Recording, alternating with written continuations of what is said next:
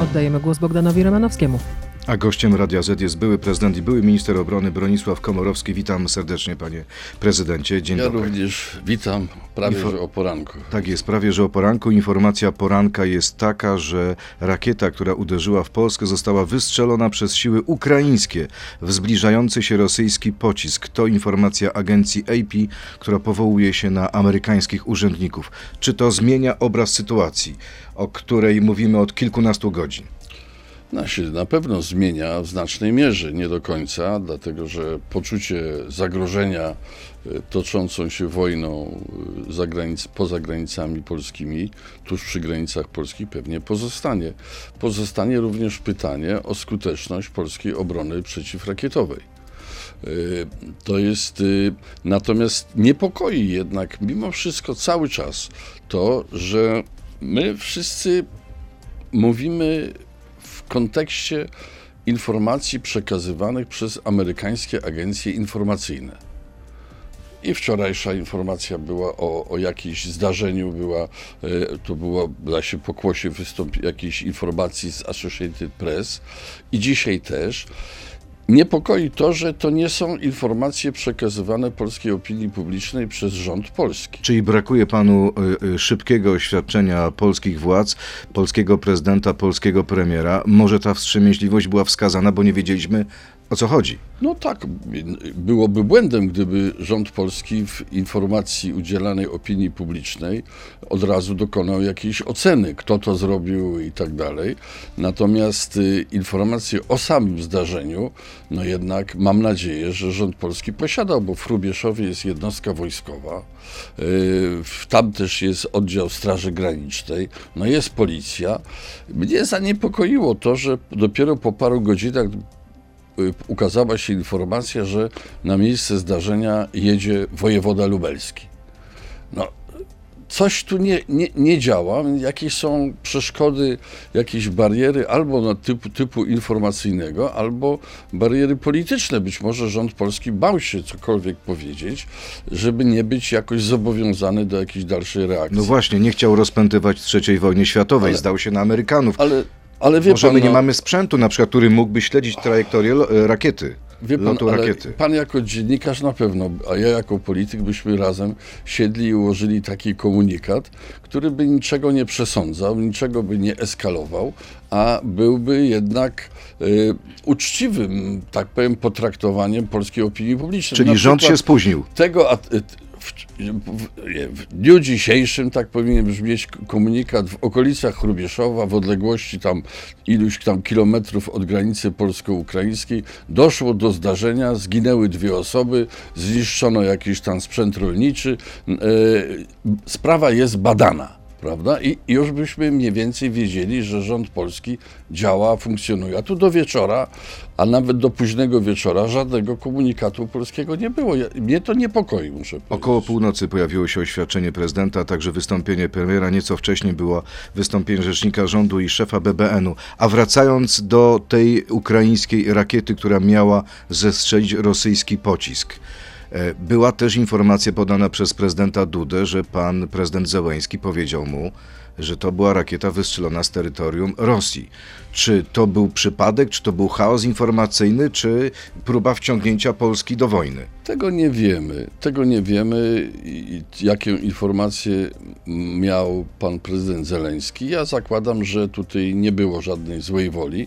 Po, po drugie, zgodnie z tym, o czym mówiliśmy przed chwilą, należy poczekać na oficjalny komunikat rządu polskiego w tej kwestii. Czy to był pocisk ukraiński? To brzmi prawdopodobnie, bo gdzieś tam e, taka rakieta, która ma zestrzelić rosyjskie rakiety lecące na Ukrainę, mogła rzeczywiście zabłądzić, być powiedzmy zakłócona e, i gdzieś zboczyć na inną, w innym kierunku. Fakt jest, pozostaje faktem, że to zostało e, chyba zauważona zmiana, e, trajektoria lotu rakiety, która prowadziła w stronę terytorium polskiego, została wychwycona przez stronę amerykańską. No, ja chcę powiedzieć, że to przypomina niestety to, że 7 lat jest spóźniony polski wysiłek, jeśli chodzi o zbudowanie efektywnej, tarczy antyrakietowej y, i, anty, i przeciwlotniczej również, y, to były te systemy Wisła, Narew, one dopiero teraz zaczynają powstawać. A co z rakietami czy z Zostały patriotami? sied- Siedem lat zostało zmarnowanych. Co z patriotami, które są wokół jednostki amerykańskiej w Rzeszowie? Czy one nie mogły zareagować? Są, zdaje się, że na terytorium polskiego chyba dwie baterie patriotów. Jedna będąca własnością polskich sił zbrojnych, a druga amerykańska, y, która rozumiem została ulokowana w tym rejonie, gdzie także przez który przechodzi pomoc skierowana ku Ukrainie.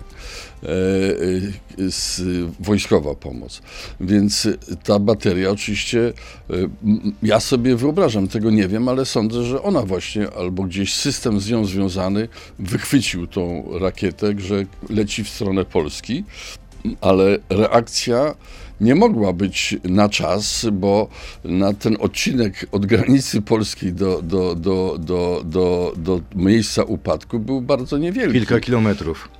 Więc może to jest okazja, żeby powiedzieć, powołując się na generała Kozieja, byłego szefa Biura Bezpieczeństwa Narodowego w moich czasach, generał Koziej y, y, proponował parę miesięcy temu, i ja to w pełni podzielam, że powinno się y, wystąpić do Sojuszu Północnoatlantyckiego, szczególnie do Stanów Zjednoczonych, o stworzenie szczególnej bariery ochrony przeciwrakietowej, być może także przeciwlotniczej dla y, tych, tego terenu Polski, który sąsiaduje y, z, z Ukrainą, to generał powiedział, że jest to powinna być taka wysunięta bariera obronna. Czyli która co, by miała 50 prawo- kilometrów od granicy z która Polską? miałaby prawo w porozumieniu z Ukraińcami, po powiadomieniu także strony rosyjskiej, miałaby prawo zestrzeliwać rakiety leczące w kierunku terytorium polskiego nad terytorium Ukrainy. Ile kilometrów mo- miałaby liczyć taka Wie pan, strefa? To już jest kwestia. 50, 100 to już- kilometrów. To jest kwestia oceny i tak powiem wojskowej, jaka jest, jaka jest, jakie są możliwości zestrzelenia. No, patrioty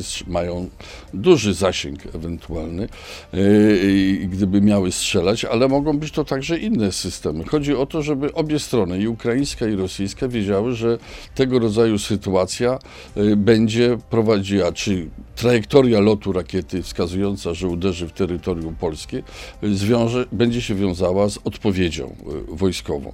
Brak takiego, takiej, takiej y, reakcji według mnie może prowadzić w przyszłości do tego, że y, strona rosyjska będzie testowała y, przez różnego rodzaju wydarzenia nadzwyczajne, takie właśnie y, testowała reakcję NATO, testowała reakcję polską, No już mamy, panie prezydencie, szyderstwa ze strony takiej propagandistki Kremla, pani Margarity Simonian. Ona napisała tak, jeśli nie jest to celowa prowokacja, to jest ty- tylko dobra wiadomość, jedna dobra wiadomość.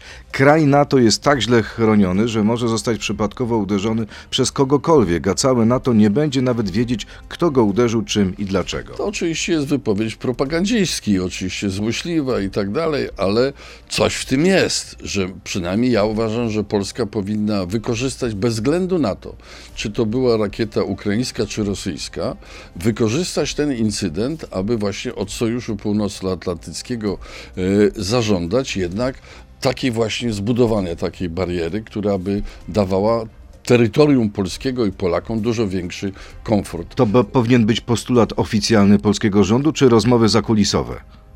Jedno i Żądamy drugie, strefy pan, zakazu lotów. Ja uważam, że zawsze lepiej jest przygotować tego rodzaju decyzje niż narazić się na odmowę. Ale według mnie rząd polski ma w tej chwili dodatkowe argumenty w ręku, aby o taką barierę wystąpić. Brak reakcji rządu polskiego albo niewłaściwa reakcja, ona będzie, jest, będzie, ta sprawa jest niewątpliwie przez stronę rosyjską traktowana jako testowanie systemu obronnego NATO i Polski oraz w ogóle reakcji. Więc y, tutaj ja najbardziej się obawiam takiej pokusy zbagatelizowania sprawy, no bo to ewentualnie rakieta ukraińska. Ja uważam, że należy ten incydent wykorzystać dla wzmocnienia y, systemu obronnego Polski w oparciu o Sojusz Północnoatlantycki, jeżeli państwo polskie z budową własnej tarczy antyrakietowej no, spóźniło się już 7 lat. Bronisław Komorowski, były prezydent, były szef Ministerstwa Obrony Narodowej jest gościem Radia Z. Przechodzimy teraz do internetu na Radio Z.pl, Facebooka i YouTube'a. Tam zapytam byłego prezydenta o to, co dalej, jeśli chodzi o procedury NATO. To jest gość Radia Z. Panie prezydencie, y, odbędą się za parę godzin konsultacje w ramach artykułu 4. Będzie spotkanie ambasadorów y, w kwaterze głównej NATO. Jakich ruchów możemy się spodziewać oprócz tego, o czym pan mówi? No ja nie wiem, czy rząd polski przyjął do wiadomości tą pro propozycję, aby budować tego rodzaju, aby wykorzystać ten incydent y, dla... Czyli pan by to postawił już na tym spotkaniu, które się za chwilę tak, zacznie? Tak, ja bym stawiał to już, tak powiem, y, przyzwyczajał na to do takiego polskiego oczekiwania. Y, To po pierwsze. Po drugie, y, chyba Wydaje mi się, że taka naturalna chęć, żeby wykorzystać artykuł czwarty, y, który ja, ja, ja zresztą też y, jako prezydent uruchamiałem artykuł y, czwarty NATO, ale to było w momencie inwazji Rosji na Ukrainę w 2014 roku. To jest pewien, to jest mocny sygnał dla Rosji ewentualnie, że będzie taki, takie działanie, ale jeżeli to się potwierdzi, że to rakieta ukraińska, no to rząd polski, nie wychodząc z takim oczekiwaniem y, wzmocnienia tego systemu obrony przeciwrakietowej, bez względu na to, czy to rakiety ukraińskie, czy rosyjskie, no może się narazić na pewną śmieszność. Y, No bo wszyscy wtedy będą, no co ty, co, co wy, co wy mówicie, że konsul, co wy konsultujecie? Zagrożenie ze strony Ukrainy czy ze strony Rosji, prawda? Więc tu rząd polski musi bardzo ostrożnie, y, tak powiem, wychodzić z oceną tego zjawiska, ale według mnie powinien to wykorzystać jako wygodny pretekst, do, pretekst czy okazję do, do postawienia kwestii bezpieczeństwa naszej tej pasa przygranicznego z Ukrainą. Jeśli rzeczywiście była to e, ukraińska rakieta, która miała zastrzelić rosyjski pocisk, kto ponosi odpowiedzialność za śmierć dwóch obywateli Polski? Chyba tutaj odpowiedzialność jest jednoznaczna. No tak, według mnie tak. E, Pytanie, czy to się potwierdzi, prawda? Ja tego nie wiem, pan tego nie wie, więc myślę, że wstrzymajmy się trochę. Natomiast, y, natomiast fakt pozostaje faktem. Zginęło dwóch obywateli polskich i to nie może pozostać bez jakiegoś dalszego ciągu. Y, Takie rzeczy na wojnie się zdarzają także i po stronie państw neutralnych czy sąsiadujących z wojną i trzeba to zakładać, ale trzeba minimalizować ryzyko. Stąd jeszcze raz wracam do tej kwestii wzmocnienia obrony przeciwrakietowej pasa przygranicznego. Panie prezydencie, o 12 ma się odbyć Rada Bezpieczeństwa Narodowego. Prezydent zaprosił przedstawicieli opozycji. Czy w takiej sytuacji e, spory polityczne powinny mieć e, no, troszeczkę e, niższy poziom emocji? Nie, spory polityczne się toczą w różnych obszarach życia i społecznego, gospodarczego, e, także i politycznego czysto. Natomiast to dobrze, że pan prezydent zaprosił e, także opozycję. Pragnę przypomnieć jeszcze raz, że za moich czasów członkowie opozycji byli zapraszani na wszystkie posiedzenia Rady Bezpieczeństwa Narodowego, byli jej częścią stałą. I to się sprawdzało. Nie wszyscy chcieli z tego korzystać, bo Jarosław Kaczyński się obraził i powiedział, że nie będzie uczestniczył w tym. Natomiast reszta opozycji uczestniczyła chyba z korzyścią i dla opozycji, i dla państwa polskiego przede wszystkim. Więc ja się cieszę, że będzie opozycja. Nie wiem, co pan prezydent będzie miał do przekazania. Mam nadzieję, że właśnie informacje o tym, yy, jak ten incydent rząd polski zechce potraktować na arenie nie, tylko, nie tyle międzynarodowej, ile natowskiej. Mówiąc troszeczkę nieładnie, możemy wykorzystać to dla wzmocnienia naszego bezpieczeństwa. Tak, oczywiście. No mówię, to jest ważne, szczególnie w kontekście zapóźnienia o te 7 lat, zmarnowanych 7 lat, bo to przecież Wisła i Narew miały powstawać, y, były już zatwierdzone wszystkie plany. No, gdyby tutaj siedział na moim miejscu minister Błaszczak, to powiedziałby tak naprawdę o zapóźnieniach zarządów Platformy. Ale jakich? Że my Jakich? do, No dopiero jakich? wydajemy pieniądze na zbrojenia, a Platforma tak Nie, naprawdę no. zwijała wojsko. Pan Błaszczak zapomina, że wydawał pieniądze, które y, ja jako minister obrony narodowej, y, jakby w cudzysłowie, załatwiłem dla Polski poprzez przeprowadzenie ustawy o 2% produktu krajowego brutto. Więc ja uważam, pan Błaszczak bardzo dużo mówi. Oczywiście w tej chwili robi ogromne zakupy. To dobrze czy Nie wiem, z czego one będą płacone. To mnie niepokoi. Ja się jako były minister obrony, jako zwierzchnik sił zbrojnych, mówiąc wprost, cieszę z tego, jak jest przyrost zdolności obronnych Wojska Polskiego, ale niepokoi mnie to, że to są tak gigantyczne e, i spóźnione zakupy, że płacimy za to, y, będziemy płacili o wiele większą cenę, większe będzie więcej pieniędzy to będzie kosztowało, niż gdybyśmy kupili to 3 lata temu na przykład, albo 5 lat temu, choćby część z tego. Ktoś może powiedzieć, że 3-4 lata temu nie było jeszcze wojny. Teraz No, sytuacja się zmienia, no wiem, musimy dlatego- dokonywać szybkich zakupów. Dlatego jeszcze raz mówię, no, tą tarczę antyrakietową należało budować już przez lata, a nie dopiero w tej chwili. Bo wie pan, te wszystkie zakupy, one będą skutkowały przyrostem zdolności y, obronnych Polski, ale dopiero za parę lat. To trzeba mieć tą świadomość, no, że to jest wszystko spóźnione i za to spóźnienie płacimy za wszystko o wiele więcej pieniędzy. Panie prezydencie, kończąc wątek wojny na Ukrainie, czy to wystrzelenie wczoraj tych stu ponad rakiet y, w kierunku infrastruktury krytycznej, to był odwet za utratę Hersonia, taka próba odreagowania e, za to, co się stało kilka dni temu? Ja myślę, że częściowo tak, bo to na pewno jest y, taka chęć pokazania, że jesteśmy dalej Rosją w uderzeniu, prawda? Ale oprócz tego wydaje mi się, że to jest jakaś konsekwentne, to jest konsekwentna realizacja planu osłabienia i morale społeczeństwa ukraińskiego i rzeczywistej zaszkodzenia mu poprzez niszczenie infrastruktury energetycznej przed zimą. Panie prezydencie, seria pytań od naszych słuchaczy. Czysty marszałek, tak się nazywa nasz słuchacz. Czy ogląda i lubi pan memy na swój temat? Nie. Żadnego pan nie Żadnego. widział? O, nie korzysta pan z mediów społecznościowych?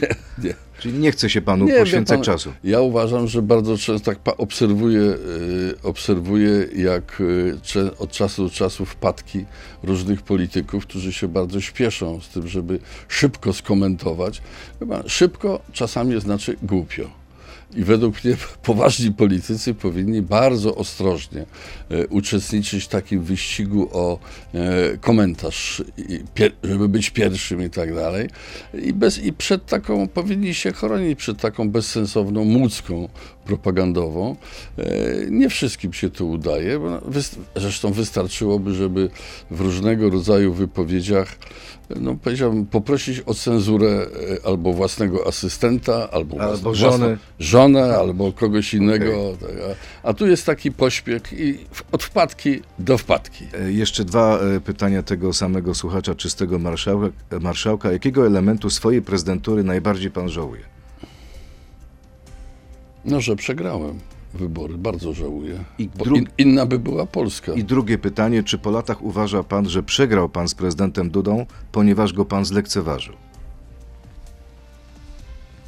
Wie pan, między innymi, Był pan zwykle zbyt pewny siebie. Każda klęska ma, porażka ma różne źródła. Ta też miała bardzo różne źródła. Nie, nie, nie powiem, że bardzo, że doceniłem pana prezydenta Dudę jako kontrkandydata, e, e, ale, mm, ale myślę, że były także inne powody. No jednak generalnie jakieś czasami jest tak z opinią publiczną, że jak jest zmęczona długotrwałymi rządami jakiegoś obozu, to po prostu chce zmiany. Jak chce zmiany, to nic już bardziej nie zaszkodzi, ani nic nie pomoże. Czyli nawet Tak trzech jak komorowskich by nie wygrało, tak? tak mi się wydaje, tak mi się wydaje. e, I tak chyba dzisiaj jest z obozem władzy, że też ludzie już po prostu ich powoli mają dosyć, za długo rządzą, za długo kradną, za dużo kombinują, za dużo się tak spaśli się, więc będą, będzie, będzie oczekiwanie zmiany i wtedy nic na to nie poradzą. Panie prezydencie, kolejne pytanie. Pan Zaskroniec, tak się nazywał nasz e, słuchacz. Na jakiej podstawie prawnej mianował pan sędziów w 2010 roku? Przecież miał pan tylko pełnić obowiązki prezydenta, a nie wykonywać prerogatyw prezydenckich. Wie pan, to jest jakieś przedziwne, jakieś tak nielogiczne stwierdzenie, że można wykonywać, e, wykonywać obowiązki, nie, nie, nie sięgając pro, po prerogatywy prezydenta. Konstytucja, konkretnie artykuł 31 Konstytucji. Przy okazji proponuję panu Zaskońcowi y, lekturę tego, tego tekstu. No mówi jednoznacznie, y, marszałek Sejmu w wypadku śmierci prezydenta pełni obowiązki i wykonuje wszystkie zadania prezydenta. A jednym z zadań prezydenta jest także powoływanie sędziów, mianowanie sędziów i pretensje o to, że ktoś z mocy konstytucji wypełniał te obowiązki rzetelnie jest jakimś nonsensem. Czyli wszystkie nominacje To tak są jakby- zgodne z To, prawem. to tak jakby ktoś powiedział, że nie należało mianować, powoływać szefa sztabu generalnego. No, z punktu widzenia Polski, no, panie kochany, panie Zaskrońcu. Nie no, ma pan sobie miałoby nic do zarzucenia, panie nie prezydencie. dowódcy- No pewnie, że nie. Powinien pan Zaskroniec być wdzięczny, że powoływałem i generałów, i, e, i szefa Narodowego Banku Polskiego. No to było moje zadanie. Zobaczymy, jako, czy pan Zaskroniec marszałka. będzie usatysfakcjonowany. Jeszcze jedno pytanie, i już nie pana Zaskrońca, tylko pana Wojciecha Kowalczyka. Kiedy ostatni raz był pan na polowaniu i z jakiej broni pan strzelał? O, Jeżdżę na polowania dosyć regularnie. Ale Już może- się nie. Wie pan, może co? pan zdradzić? Panie redaktorze, już się niepokoiłem, bo tu w Radio Z jest jakaś taka dyżurna. Ile razy jestem, zawsze jest pytanie o polowania. No, to, Ale Wojciech Kowalczyk, proszę ale- zobaczyć, ale to nie jest proszę. moja inwencja. Może to też myśliwy, kto wie, nie? No właśnie, może ale nie chce pan zdradzić, jak Ale się powiodło polowanie. Ja korzystam, panie redaktorze, z faktu, że jestem osobą prywatną i proszę mi nie zaglądać. Proszę mi nie zaglądać za, za Czyli kulisy. nie można zaglądać moje przyjemności. za kulisy polowania. Moje przyjemności, moje przyjemności, moje prywatne życie. Jak pan. Nie, to już nie zaskoczył. Pan Kowalczyk. Gdyby Zaskroniec się niepokoił, to bym trochę rozumiał. Czy nie ale- poluje pan na Zaskrońce? Nie poluje na Dobrze, Zaskrońce. ale proszę powiedzieć, czyli to jest jedna z y, fajnych rzeczy, która pojawiła się, kiedy pan przestał być prezydentem, tak? Najważniejszą, fajną rzeczą, jak pan to powiedział, to jest jednak częstszy kontakt z wnukami. E, A mam ich sporą gromadkę z dziećmi i z przyjaciółmi, opartą właśnie o normalne zasady, tak powiem, życia prywatnego, a nie o kontakty oficjalne czy półoficjalne. To jest ta największa korzyść, jaką można odnieść z tytułu bycia byłym pre- prezydentem. Czyli tak naprawdę relacje dziadka z No, wnukami, oczywiście, że tak. a nie relacje myśliwego ze zwierzyną. A myśl, relacje z myśliwymi należą do, do części życia prywatnego i przyjacielskiego, bo to tylko, wie pan, ludzie jakiś, tak powiem, mający pypcia na oku, e, e, mogą myśleć i widzieć myślistwo jako tylko akt strzelania. Ogromną częścią radości z, z polowań to jest życie towarzyskie. Spotykanie się z przyjaciółmi, z kolegami. A co, bigos, wódeczka, takie sprawy? Też? Dzisiaj nie wolno pić na polowaniach w ogóle alkoholu. Nie pije się w ogóle? Nie, nie wolno pić, to jest A, zakazane. a przed na przykład polowaniem troszeczkę nie, można sobie strzelić? nie, nie wolno, nie, nie, nie, to jest bardzo w tej chwili przez większość, absolutnie większość myśliwych y, w sposób żelazny Bo przestrzegane. może dojść do nieszczęść. bo może dojść do nieszczęść albo prostego do utraty prawa do polowań. Zostawmy sprawę polowań. Panie prezydencie, przejdźmy do polskiej polityki. Dużo osób po tym ostatnim pańskim spotkaniu, które pan zorganizował w sprawie bezpieczeństwa, gdzie przyjechali czy przybyli przedstawiciele, liderzy opozycji, miało pretensje, że dlaczego pan zaprosił Jarosława Gowina? Czy może pan powiedzieć, dlaczego pan zaprosił? Z tej prostej przyczyny, że jest częścią opozycji demokratycznej. Ale niektórzy uważają, że najpierw powinien być rozliczony, a dopiero potem może Rozumiem, być że- towarzyszem opozycji. No to niech sobie tak uważają, mają do tego Donald prawo. Tusk tak uważa. To ma do tego prawo. Ja uważam inaczej. Uważam, że jednak mądrość polityczna polega na tym, że należy innych przyciągać do siebie, a nie odpychać. E, Oraz na tym, że należy ludziom pamiętać to, co dobre przede wszystkim, a to, co złe, oczywiście jest, należy w jakiejś mierze rozliczać, pamiętać, ale ja pamiętam Jarosławowi Gowinowi przede wszystkim to, że uniemożliwił przeprowadzenie sprzecznych z konstytucją, kosztowych nieprawdopodobnie, y, y, wyborów, tak zwanych wyborów kopertowych. Czyli Jarosław Gowin jest pana zdaniem atutem, a nie balastem dla opozycji. Nie, atutem jest posiadanie przez opozycję zdolności do przyciągania innych, a słabością jest odpychanie innych, potencjalnych sojuszników. Proszę zwrócić uwagę na to, że dzisiaj różne środowiska mówią o potrzebie pozyskania głosów pisowskich do na przykład odwołania ministra Ziobry, prawda, albo do powołania rządu technicznego. Jarosław Gowin No, nie przyciągnie? To ja, to, ja, to ja chciałem, tak chętnie zapytam moich kolegów, y, to jak to jest? To gdzie tu jest logika?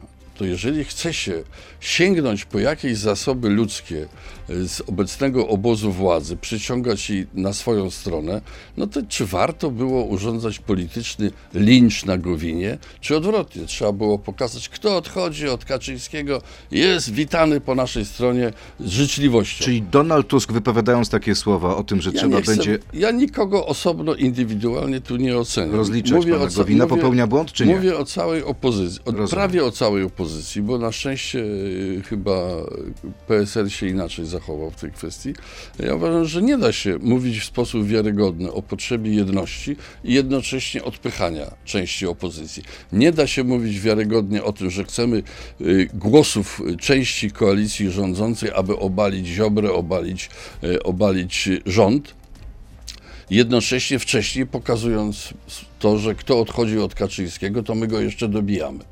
No tak się nie da polityki uprawiać. Panie prezydencie, a pan wystartuje w wyborach do Nie mam Senatu? takich planów. Nie, nie, nie mam takich planów. Wie pan, mam, życie mnie nauczyło, że nigdy nie należy mówić nigdy, ale tak z pełnym przekonaniem mówię, że takich planów nie posiadam. Ale jak na przykład... Jestem politykiem spełnionym. Jasne, ale jak pojawią się na przykład takie sugestie czy propozycje w ramach Paktu Senackiego, pan by to rozważył?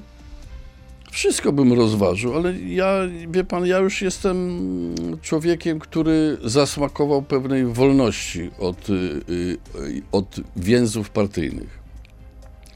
No bo partie mają to do siebie, że oczekują lojalności, oczekują obrony nawet wtedy, jak się mylą albo błędy A popełniają. może pan być bezpartyjnym A, kandydatem? ale wie pan, ja, ja już, wie pan, karierę polityczną mam w znacznej mierze za sobą i mamy zwieńczoną urzędem prezydenta. Na kogo pan będzie głosował? Jeśli będą cztery listy, wszystko na to wskazuje. Koalicja Obywatelska, Lewica, PSL, Hołownia. A wie pan, decyzję jak wszyscy będę podejmował stosunkowo y, pewnie obserwując całość politycznej A sceny. na dzisiaj? Na dzisiaj popieram opozycję, e, Ale opozycję jaką opozycję? demokratyczną. Y, Mam moje sympatie, moje sympatie są jakoś tam podzielone między y, przyjaciół z Platformy Obywatelskiej, gdzie no, jakieś więzy przyjaźni one obowiązują, a pewną racjonalnością, jeśli chodzi o to, że marzę o tym i uważam, że to jest absolutnie słuszne, aby na polskiej, w, polskiej, w ramach polskiej opozycji powstał ten biegun umiarkowanie konserwatywny. Kto gdzieś mógłby go stworzyć? według mnie ma taką możliwość. Potencjał ma zarówno Koalicja Polska i PSL, jak i pan Szymon Hołownia. I bardzo bym tego życzył, żeby, bardzo bym chciał, żeby taki biegun powstał. Więc jak pyta pan, to powiem na dzień dzisiejszy, moje, moje poglądy w tej kwestii są podzielone między więzy przyjaźni, a pewne, pewną racjonalność w sposobie patrzenia na politykę. Czyli chciałby- Tak jak, jak ją, ja ją widzę w tej Chciałby pan, żeby doszło do sojuszu między Hołownią a Kosiniakiem-Kamyszem? Chciałbym bardzo, tak. Bo na razie to jest bardzo- nieprzesądzone. Bardzo bym chciał, bardzo bym chciał i chciałbym również, aby y, porozumienie i współpraca opozycji jako całości poszła także maksymalnie daleko.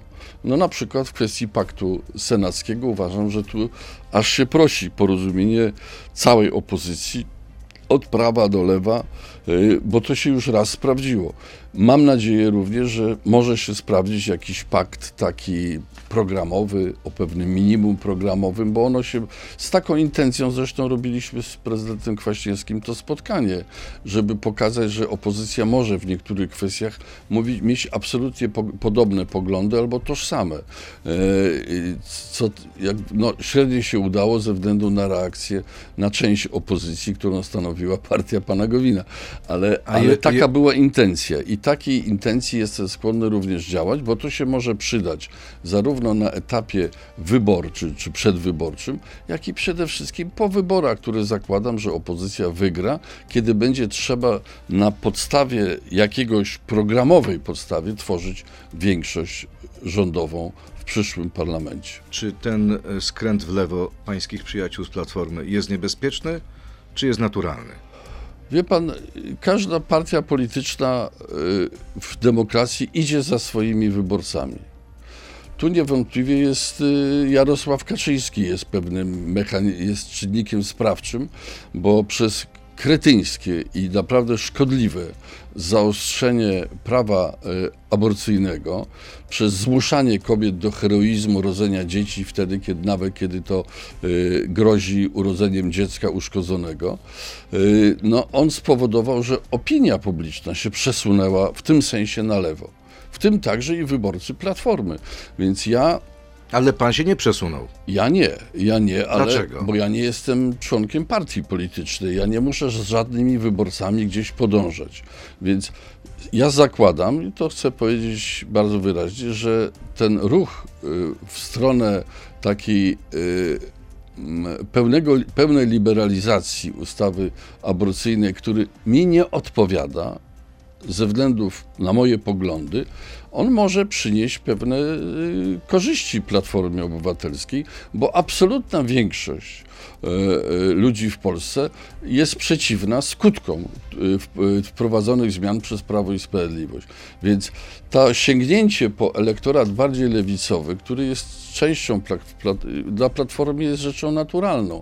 Ja mówiłem o tym, że ja dobrze się czuję jako człowiek poza polityką partyjną, bo mogę mówić o swoich poglądach, a nie podporządkowywać się pewnym poglądom zbiorowym. I w takich y, sytuacjach zawsze można powiedzieć więcej, kiedy się nie jest czynnym politykiem. Można więcej, chyba można trochę też bardziej wiarygodnie powiedzieć, bo A my musimy już kończyć. związanym Bardzo dziękuję lojalnością partyjną. Były prezydent Bronisław Komorowski był gościem Radia Z. Dziękuję państwu, do usłyszenia. To był gość Radia Z. Słuchaj codziennie w Radio Z i na player radioz.pl.